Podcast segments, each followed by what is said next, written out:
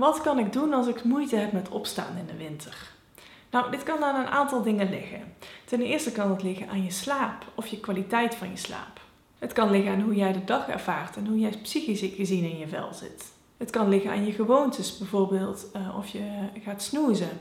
Want als je snoest, dan train je je lichaam om nadat je wakker bent geworden ook weer in slaap te vallen. En er is natuurlijk minder daglicht in de winter. Het is misschien donker als je opstaat.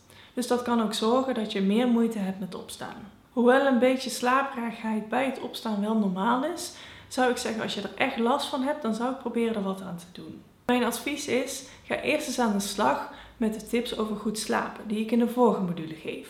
Bekijk eens of eh, moeite met opstaan bij jou een signaal kan zijn dat er eigenlijk meer aan de hand is. Bekijk ook eens bij jezelf of je moeite met opstaan betekent dat je eigenlijk dat er eigenlijk iets anders aan de hand is. Misschien besteed jij niet genoeg tijd aan ontspanning of uh, plezier gedurende de dag. En dan zijn er nog wat kleinere tips en kleinere aanpassingen die je kan maken.